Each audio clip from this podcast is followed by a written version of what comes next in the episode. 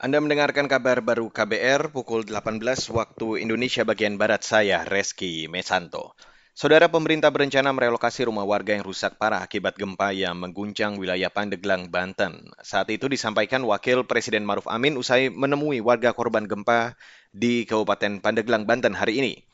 Maruf Amin mengatakan opsi relokasi dipilih lantaran beberapa rumah yang terdampak parah berada di jalur merah. Bang sedang memikirkan karena daerah ini daerah apa ya megaton dari jalur merah. Sekarang sedang dipikirkan apakah tidak sebaiknya dilakukan relokasi.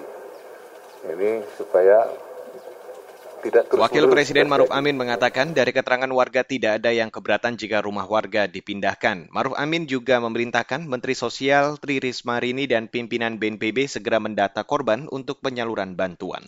Beralih ke informasi selanjutnya, Saudara, Markas Besar Kepolisian bakal menindaklanjuti informasi adanya kebocoran data Bank Indonesia. Data BI dikabarkan diretas kelompok geng pertas bernama Conti Ransomware. Mengutip antara, juru bicara Mabes Polri, Dedi Prasetyo, mengatakan telah menerima informasi itu dan segera melakukan tindak lanjut dengan pihak BI. Sebelumnya, satu akun Twitter menyebut Bank Indonesia masuk dalam daftar korban peretasan geng Conti Ransomware. Sementara itu pada Rabu kemarin, Deputi Gubernur Bank Indonesia Ronald Was mengatakan tidak ada serangan dari peretas yang bersifat masif pada beberapa waktu terakhir. Dan saudara, Pemerintah Kota Balikpapan mengklaim menjadi daerah yang paling siap menjadi daerah penyangga ibu kota negara baru. Wali Kota Balikpapan, Rahmat Masud mengatakan, secara infrastruktur, Kota Balikpapan sudah cukup memadai karena memiliki bandara internasional dan pelabuhan laut internasional. Ya kita siap artinya ya Balikpapan lebih baik dibanding 10 kabupaten kota untuk mempersiapkan diri menjadi penyangga ibu kota negara.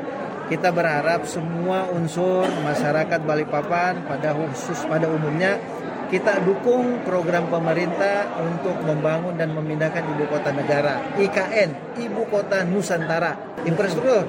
Kalau secara umumnya ya Balikpapan lebih siap. Bandara sudah siap bandara internasional.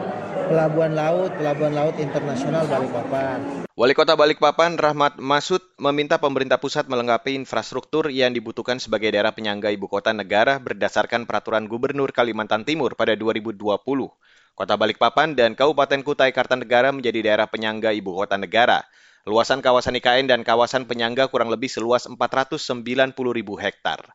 Demikian kabar baru KBR saya Reski Mesanto.